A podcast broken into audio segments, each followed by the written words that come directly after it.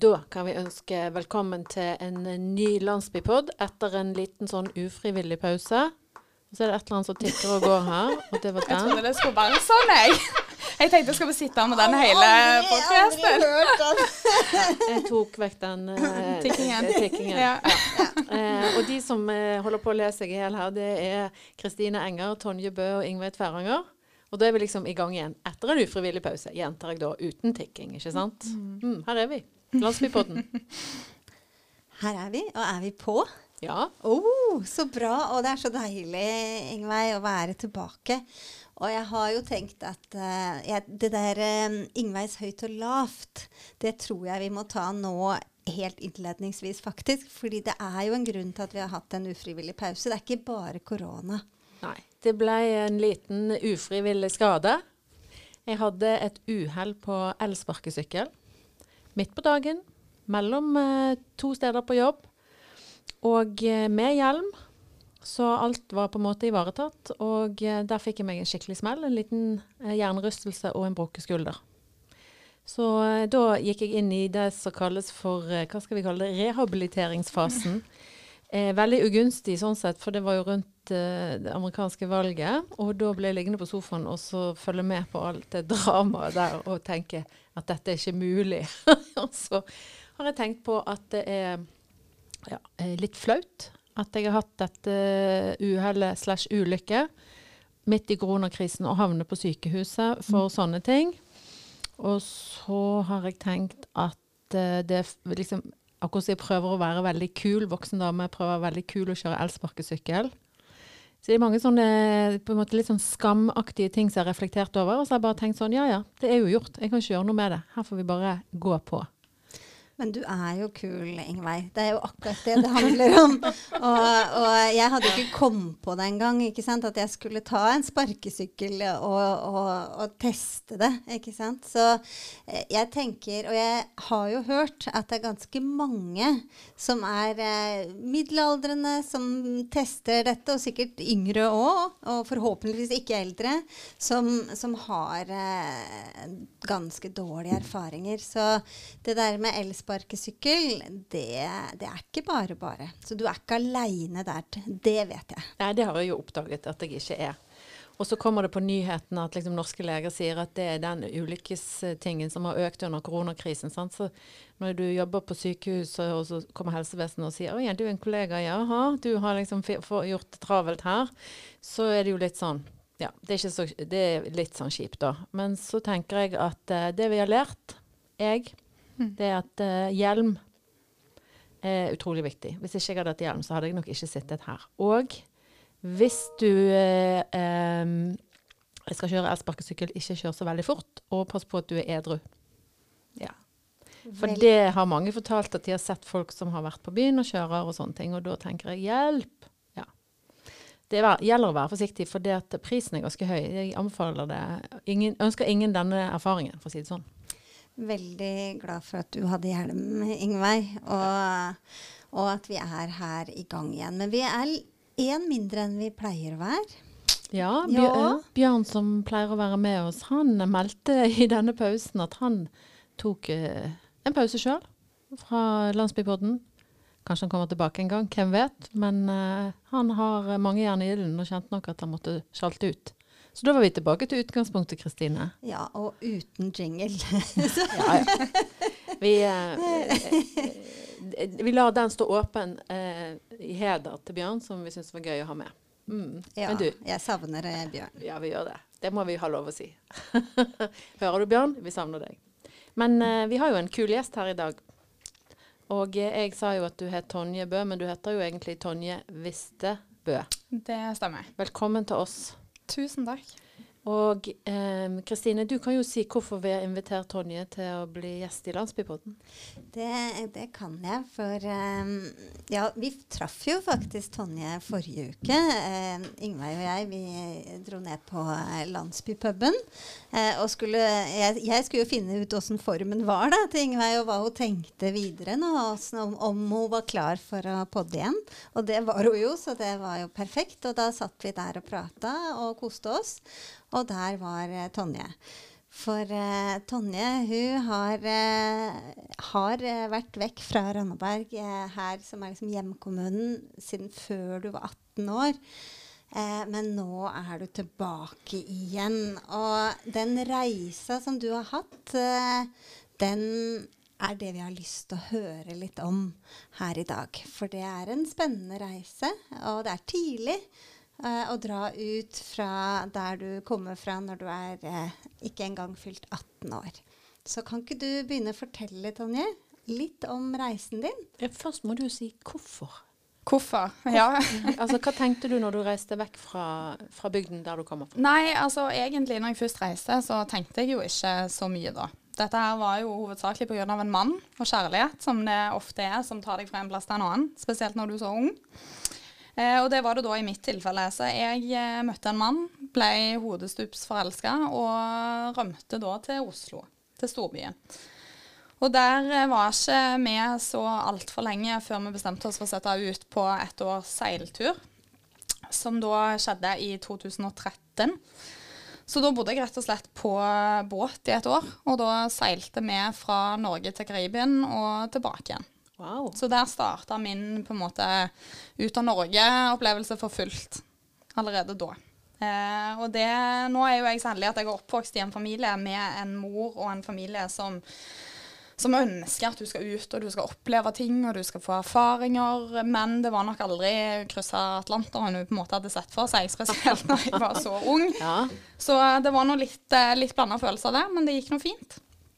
Og så gikk jo veien videre. Alltid reist mye, alltid et, altså vært veldig sulten på livet. Og erfaringa har vært veldig klar over at verden er veldig stor, og jeg er veldig liten og vil liksom ha med meg så mye som overhodet mulig. Så etter en del, eh, del år i Oslo og etablert med jobb og alt dette her, så dro jeg da til eh, USA for å jobbe i Disney World i Epcot, som er den norske paviljongen som representerer Norge der nede. I Florida. I Florida. Ja. For du, hadde du liksom kjent litt på den karibiske sommerfølelsen og tenkte det vil jeg ha mer av? Var det sånn? Ja, jeg savna det masse. Ja. Ja. jeg gjorde det. Den derre lune vinden som, på aldri, som aldri blir kald. Nei, det er helt Sant. fantastisk. Ja. Ja. Så det var godt å komme tilbake til den. Ja, det tror jeg på. Eh, Jeg må bare spørre, har, har du da Orlando er jo ikke så langt fra Key West. Har du vært på Key West? Dessverre så har ikke jeg vært på Key West. Det var en, en av de tingene jeg hadde veldig lyst til, lyst til når jeg var der nede. Men så ble jeg litt sånn eh, eh, fastna i denne Disney-bobla, som da er et kjent begrep for oss som har vært og bodd der nede, hvor du blir en Det er jo et sosialt nettverk uten like. Og du, du lever jo litt i en egen verden med de du både bor sammen med, jobber sammen med og gjør alle mulige aktiviteter med. Så det ble, det ble litt lite reising. Jeg kom meg til Miami, det var hyggelig. Ja. Ellers, så, ellers er det masse fint i Orlando, altså. Kan jo, Ja. Du kan jo dra til Key West seinere. Ja ja, jeg har masse tid. Men jeg, kan, jeg, jeg tenker på litt av det som du snakket om i begynnelsen, Kristine. Altså når du bor der borte da, og er i den boblen Jeg har jo andre jeg kjenner som har vært i den boblen òg opp gjennom årene. Hva, hva tar du liksom med deg derfra? Hva føler du at du på en måte har med deg videre? Erfaringer, lærdom, innsikt? Det er nesten vanskelig å vite hvor du skal begynne. For det, jeg tror mest, mest av alt sånne type erfaringer, så lærer du så ekstremt mye om deg sjøl. Eh, og så er det mye personlige erfaringer jeg kan ta med meg om på en måte hvem jeg er som menneske. Og, men ikke minst òg altså, altså arbeidserfaringen i seg sjøl. Bare det å jobbe i et annet land hvor det er en annen arbeidskultur, det er et annet hierarki. Sant? Altså, alt fungerer litt annerledes enn det vi er vant med hjemme. Og ikke minst det at du forholder deg til ekstremt mange nasjonaliteter. Sant? Utrolig mange forskjellige typer samfunn. Og det å lære av mennesker og kjenne på den måten der, er jo noe som gjør at jeg får et ekstremt mye bredere spekter på altså, hva jeg tenker om ting. Ja. Ja, for eh, å navigere i et sånt system på, som du beskriver nå, det er jo ikke beine veien. Du gikk gjerne på en smell eller to, eller fikk deg en erfaring som du var kanskje Ja, det har vært mange av de opp igjennom. har, du noen du, har du noen du kommer på, så, så du kan nevne sånn? Sånn spesifikt fra på en måte tiden i USA. Ja, altså det var nok eh, Altså både, både hvis vi tenker altså, rent jobbmessig, det å jobbe, og spesielt for Disney, som er en så gigantisk organisasjon, Eh, og det er et helt annet type hierarki enn det er i Norge. Det er ikke så mye rom for det. Her i Norge så er det, takk for det, så er det mye rom for å på en måte dele tanker og meninger litt sånn uavhengig av høyt tak. Du Ja. kan snakke om ting, du kan komme med innspill. Mens i USA så er det en helt annen arbeid, altså arbeidsrealitet i forhold til at den som er sjef, den er sjef og stiller spørsmål til hva du skal gjøre, eller ha egne tanker om hvordan man kan gjøre ting. Det er ikke så akseptert. Og den var, den var tung for meg, spesielt å svelge, for jeg er jo, har masse meninger om ting. Og sterk og selvstendig. Ja. Ja. Og det er nok litt sånn typisk norsk ungdom òg, da. Fordi eh, de har jo vært vant til ikke sant, å kunne eh, ja, bli hørt og ha meninger og, bli, ja, og få lov til å påvirke både hverdag og, og ting som skjer. Så, så det, akkurat den forstår jeg veldig godt. Men fortell litt eh, hva, hvordan var en arbeidsdag da? Eh, på den norske paviljongen. Eh, hvordan så det ut? Altså ikke utseendet på paviljongen, men, men selve liksom, hverdagen din.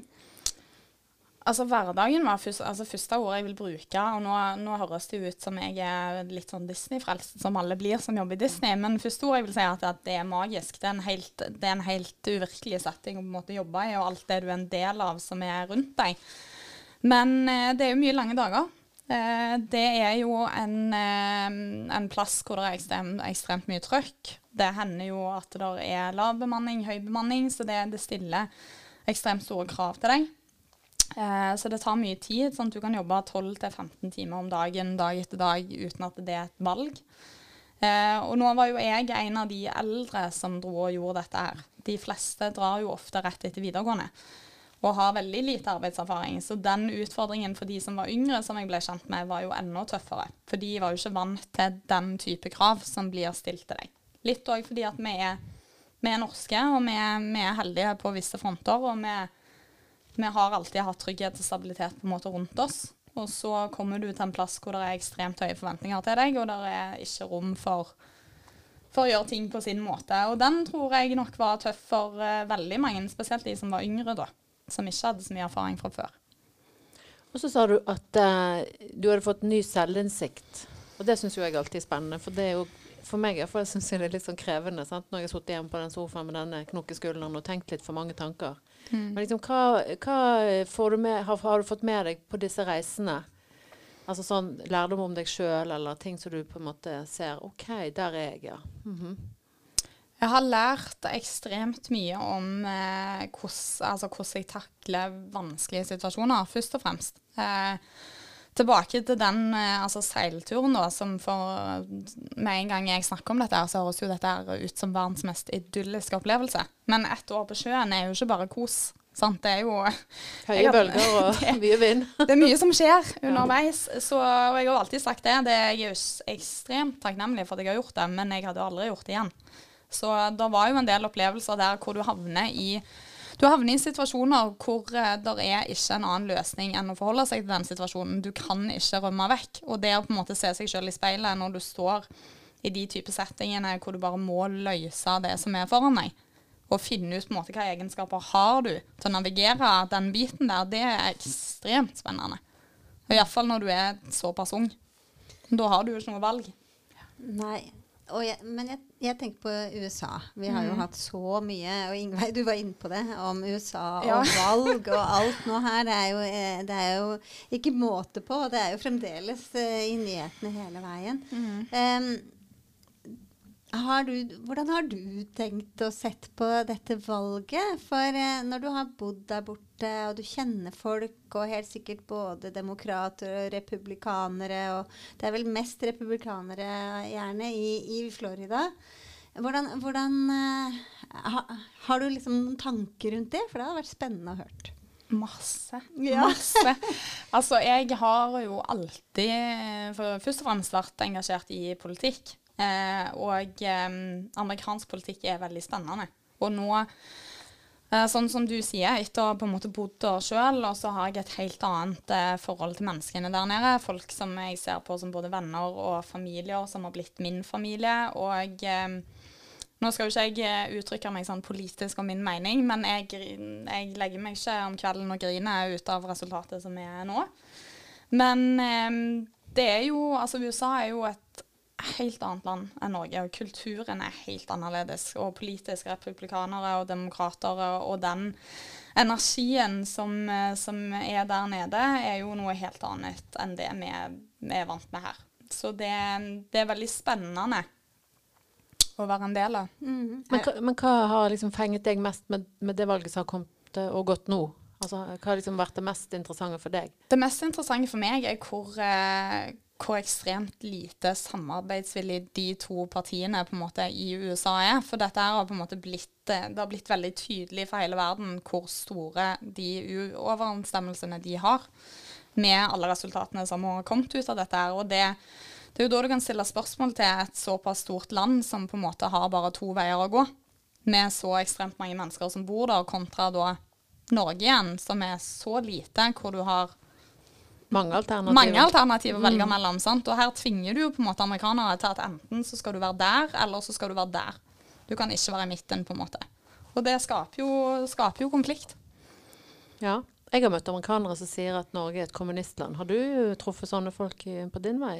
Jeg har truffet noen sånne folk, men jeg har slått de ganske hardt ned. Ja, du har. Du, du, har, du har, slått tilbake? Jeg har slått tilbake. Nei, men uh, det er jo noen av de. Men, uh, men de aller fleste de aller, Jeg kjenner jo mange republikanere òg, som jeg ikke nødvendigvis støtter sånn politisk i tankegangen. Men det er jo òg folk som uh, Mine relasjoner er jo folk som òg kan snakke om politikk, og som kan reflektere rundt ting. Det er jo ikke de som er lengst på den ene siden. Så jeg har ikke, jeg har ikke opplevd den ekstreme. Det har jeg ikke. Nei. Nei, det er kanskje, det er kanskje like greit, det. Du eh, reiste jo da fra USA. og hva, hva var det så, Hvorfor ble du ikke der? Var det ikke noen mulighet for å bli? Kunne du tenkt deg å blitt? Jeg hadde ikke vært her nå hvis det ikke var for at jeg måtte. Så jeg hadde gjerne, gjerne blitt i USA. Men eh, nå er det jo sånn at med visum og sånne ting, så er ikke det like lett. Så med mindre jeg da Jeg hadde jo et mål om kanskje å finne en mann da, og bli forelska og gifte meg det året, men det gikk ikke så bra. ikke så da ble det igjen. du kan ikke gi opp det håpet. Det er mange fine amerikanere på markedet. Ja, får satse på det. så Tonje, bare Jeg vet ikke hvor du er nå sånn på akkurat den fronten, men muligheten er jo alltid der. Det er jo det. Mm. Og så eh, eh, kom du tilbake til Norge, og eh, mer eller mindre frivillig, ufrivillig havner her. Og så tenker jeg at eh, i Randaberg, da, eller på et lite sted, som ikke nødvendigvis er her som du bor, så er det jo en gjeng med folk som bare har vært her. Sant? Mens du var ute og, og opplevde alle disse store eventyrene. Hvordan var det å komme hjem igjen og treffe folk som bare hadde traltet rundt i det daglige livet sitt? Veldig rart. Veldig rart. Og eh, veldig godt å komme hjem òg. Jeg har alltid vært veldig glad i å komme hjem på besøk, og har et veldig kjært forhold til på en måte Randaberg som plass. Eh, men samtidig tenker jeg jo mange ganger over hvor lenge jeg har vært vekke, og hvor likt alt er når du kommer hjem. Folk gjør det samme. sant? Og nå skal vi si det har skjedd veldig mye i Randaberg. Sånn sett utviklingsmessig, det har det gjort. Men eh, samtidig så føler jeg har vært vekke i åtte år, og så har jeg egentlig ikke gått glipp av noen ting. Og det er, det litt, litt merkelig. ja, ikke det rart å tenke på? Det er veldig veldig rart å tenke på. Og ja. da tenker jeg egentlig sånn at da må jo jeg ha gjort noe rett. Hvis jeg kan komme hjem etter åtte år og føle at jeg, eh, her har jeg egentlig ikke gått glipp av noen ting. Tenke, hva, mener du da at du har gjort rett? Nei, altså Litt fordi at min vei er jo veldig lite av fire. Sant? Alt jeg har gjort er litt sånn i motsatt til det de fleste gjør. Så jeg kan jo ofte stille spørsmål til på en måte om det var rett eller lure på har jeg tatt de rett valgene, hva har du nå i en alder av 26, og sammenligne deg med andre mennesker som er etablert og er gift og har barn og alle de tingene som kommer i den alderen her. Og har hus og Ja, så sitter jeg her og jeg har masse erfaringer og har masse ting som jeg aldri ville bytta vekk, men det er jo naturlig at man òg stiller seg de spørsmålene der av og til. Ja, skulle du ønske at du bodde i en enebolig på, nede på Nyvoll? Nei. du kunne Nei. hatt et par unger òg? Ja. Jeg hadde, hadde, jo, jo, men altså, hadde ting falt på plass sånn, så er det Men, men det er jo, den biten vil jo altså, Først og fremst vil jeg jo ha rett mann før de tingene skal komme på plass. Så fram til han amerikaneren dukker opp, som vi ja. snakker om, så, så venter vi med det. Any Americans out there? ja. ja. hvis det bor noen amerikanere på Randaberg, så er det bare å Ta kontakt. ta kontakt. Ja. du finner Tonje veldig ofte på Landsby pub. Ja. Ja. Ja. Der, er du, der er du bartender og, og, og Ja. daglig leder, eller hva kaller vi deg der? Nei, altså jeg er jo bartender. Nå er det jo mine besteforeldre som eier den eh, puben der, så jeg hjelper jo til så mye som jeg kan. Ja. Greit. Da vet jeg any Americans, go to the local pub. I Randaberg. Men eh, eh, får du noen tilbakemeldinger fra venner og familie på at du ikke er så A4? At de skulle liksom hatt deg inni en boks der, eller? Nei, altså jeg, jeg, jeg tror jo mest det er meg sjøl enn det er alle andre. For nå har jo jeg hatt eh, folk rundt meg som alltid har støtta det som ikke er A4. Og vil heller ikke si at jeg noensinne har kommet fra en familie som er så veldig A4. Um, så, men samtidig så kan jo de som jeg òg av og til stille spørsmål til på en måte hvor man er nå, hvor skal man nå. Altså du begynner å bli voksen, begynner å bli eldre, og brikker må jo etter hvert begynne å falle på plass. Og for meg som har vært litt sånn rastløs og på en evig vandring, så er jo det en utfordring det òg å eh, sette seg i den situasjonen og prøve å finne ut av de tingene. Mm. Men ble livet ditt satt litt på pause nå, egentlig, denne koronatiden? Fordi du, du kom jo ikke rett fra USA hit til Randaberg, du dro jo til Oslo. Eh, og der har du jo jobba på kaffebar, er det det man kaller det, eller? Ja. Kaffe, I kaffebransjen. Kaffebransjen. Ja, ja. Ja. Å, det hørtes kult ut. Ja, men det, det høres ut For du har jo jobba både eh, med Nes Nespresso, det var jo tidligere, og så var det Nå skal jeg eh, huske Skal jeg si det? Ja, kan ikke du si det? Eh, det er en, det er en kjede, kaffekjede i Oslo som heter Stockflets. Takk. Stemmer. Ja. De lager veldig god kaffe. Og der var jo du en, en av lederne. Stemmer. Ja.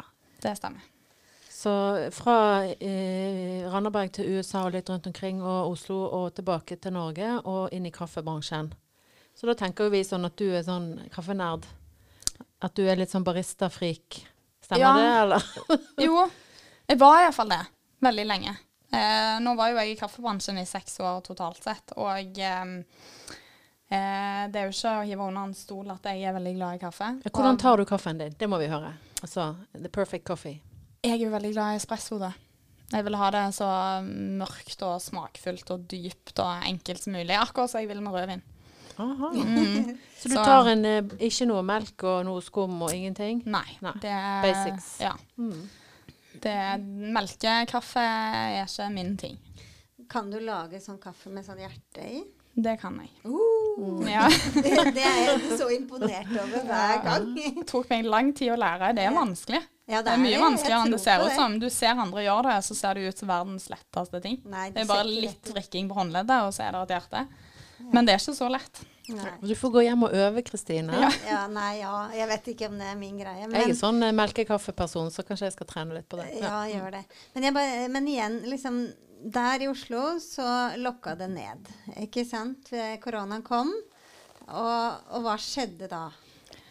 Da, den jobben som jeg starta for eh, med Stockflats eh, Jeg flytta jo tilbake til Oslo i desember og starta i den nye jobben i januar. Eh, og har på en måte akkurat da kommet fra USA og etablert meg igjen i Norge, som, som i seg selv er en tung prosess. Krever mye energi, økonomi, alt mulig.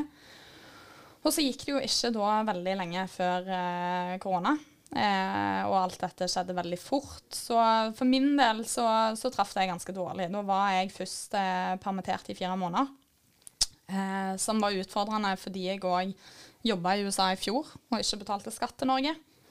Så gjorde min situasjon eh, litt mer komplisert. Og så ble det dessverre sånn at eh, Stockflets måtte stenge noen avdelinger og måtte dele ut flere oppsigelser. Og jeg var jo en av de nyeste ansatte, så da gikk jo det naturligvis utover meg. Og da var det litt sånn eh, Da sto jeg midt oppi alt og prøvde å finne ut av hva, hva skal jeg nå. Skal jeg finne ny jobb, finne ny plass å bo, eller skal jeg på en måte ta et halvt år iallfall, dra hjem, resette meg, prøve å finne ut av litt eh, hvor veien går videre. Og da endte du opp med det. Ja. Så nå sitter jeg her hos dere. Ja, og Ja. så er du på den reset-knappen da, eller? Hvor, hvor langt er du kommet der? Jeg er på vei. Ja, Jeg er på vei. Eh, nå, nå skal jeg jo Jeg tenker det viktigste, uansett hva situasjonen du på en måte er i i livet, så er det viktigste at du bare jobber med å utvikle deg sjøl på noen måte. Selv om du ikke vet helt på en måte hvor veien skal, at du iallfall jobber med det, eh, så, vil den, eh, så, vil den, gå seg til av seg sjøl. Så nå er jo min plan da at jeg skal ta opp noen eksamener og klargjøre ting eh, mot å forhåpentligvis søke Politihøgskolen etter hvert. Å oh ja, så spennende, da. Ja, Veldig spennende. Madam Officer, yes, don't sir. arrest me. men, men, det krever jo ganske mye, da. Politihøgskolen. Eh, og med trening og Jeg vet ikke, det er jo tester du må gjennom. Opptaksprøver og jeg ser, for meg sånn, jeg ser for meg den der uh, serien med de som er militære. førstegangstjenesten. At det ja. er noen av de øvelsene du skal gjennom. Det kan godt hende. Altså, altså, du tar opp igjen karakterer for å forbedre de, og så trener du for å ta opptaksprøven. Hva, ja. hva må du prestere på en måte for å komme inn? Det er jo, altså, det er jo en, en, del eh, fysiske tester som man må gjennom, som både går på styrke, som går på svømmeegenskaper, som går på kondisjon. Eh, og så er det jo òg vel så viktig alle mulige andre tester, altså personlighetstester, psykiske tester, de tingene der òg som skal være på plass. Så det er jo det er jo en utdanning som er, som er vanskelig å komme inn på. Eh, men det skal det jo absolutt være òg. Eh, så det, det, er jo planen min nå. Men er det én ting jeg har lært, så er det det at mine planer blir sjelden akkurat sånn som jeg tenker. Så vi får, vi får vente og se, men eh, satser på at det går. Men der, du, er der, du, er der, nå? der er jeg nå. Ja. I dag så er det det man skal. Yes. Så, og så hører vi at du tar et lite forbehold om at du kan ombestemme deg akkurat når det passer. Og det er jo lov. Ja, det er jo egentlig er jo, veldig herlig ja, å være ung og bare kunne tenke sånn. Vi kan jo egentlig tenke sånn alle sammen, hvis vi bare hadde klart det. Jeg tenker sånn hele tiden. Du gjør det, Ingveig. Men det er ikke, jeg gjør ikke jeg gjør, jeg gjør ikke noe med det hele tiden. Nei, det er, det er noe med det. For det, jeg sitter jo i det huset med de ungene og det der greiene der. Ja. Og er sånn som jeg var for seks år siden. Ja.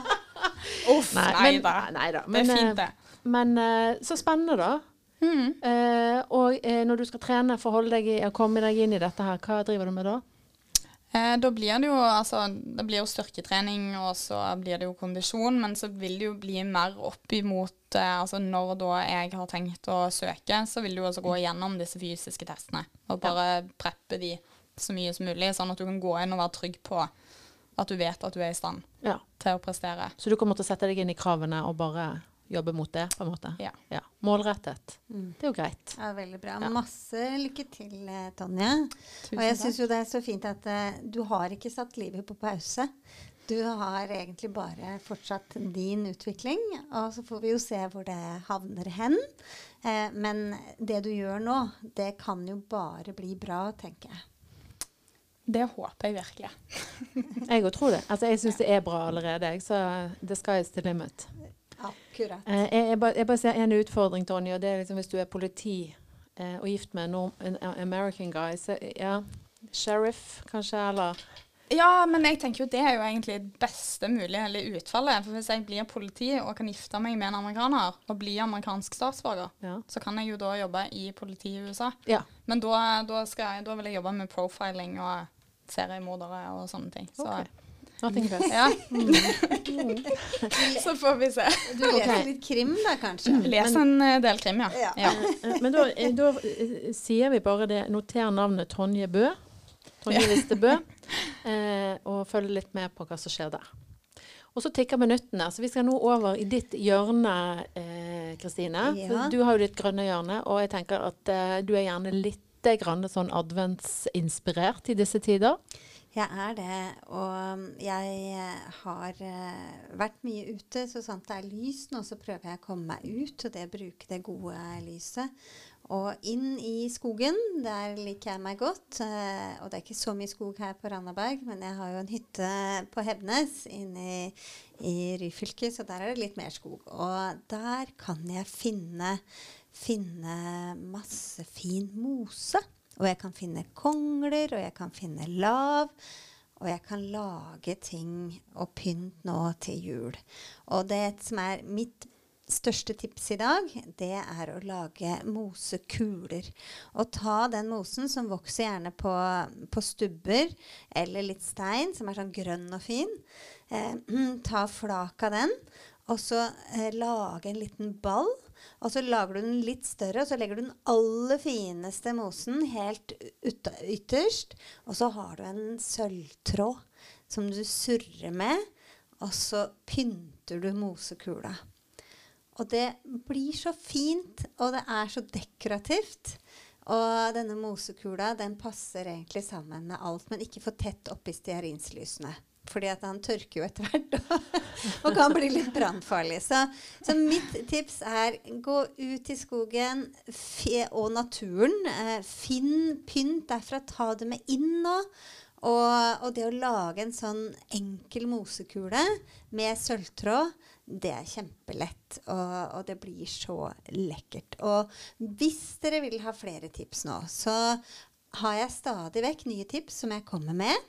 Og jeg sender ut på e-post, så da kan en melde seg på sanketips på sankeliv.no. Altså sankeliv.no. Og det er din blogg? Det er min nettside. Og der kan du melde deg på uh, sanketips, og så får du det rett i e-posten din. Fantastisk. Ja, egentlig. ja. Um, jeg kjente at jeg var inspirert til å lage en sånn kule. Og de der sølvtrådene, kjøper du de på sånne hobbybutikker da, eller? Ja. ja. det er mange steder hvor de har det. Okay. Det, det kan godt hende de har det bare rett på europris. Ja. Godt tips. Eller gulltråd. Gulltråd òg, tror jeg. Røde sløyfer går an. Ja. ja. Eller lilla, kanskje. Begynne der. Ja. Så skifter du når det nærmer seg jul. Jeg skal mm. komme og se på de fine kulene dine, jeg, Ingrid. Nå får jeg prestasjonsangst, men det er greit. Det er greit. Jeg skal ut og OK, folkens. Men da skal vi runde av denne landsbypodden med å si at vi er veldig glad for at du hadde tid til å komme innom, Tonje. Tusen takk for besøket.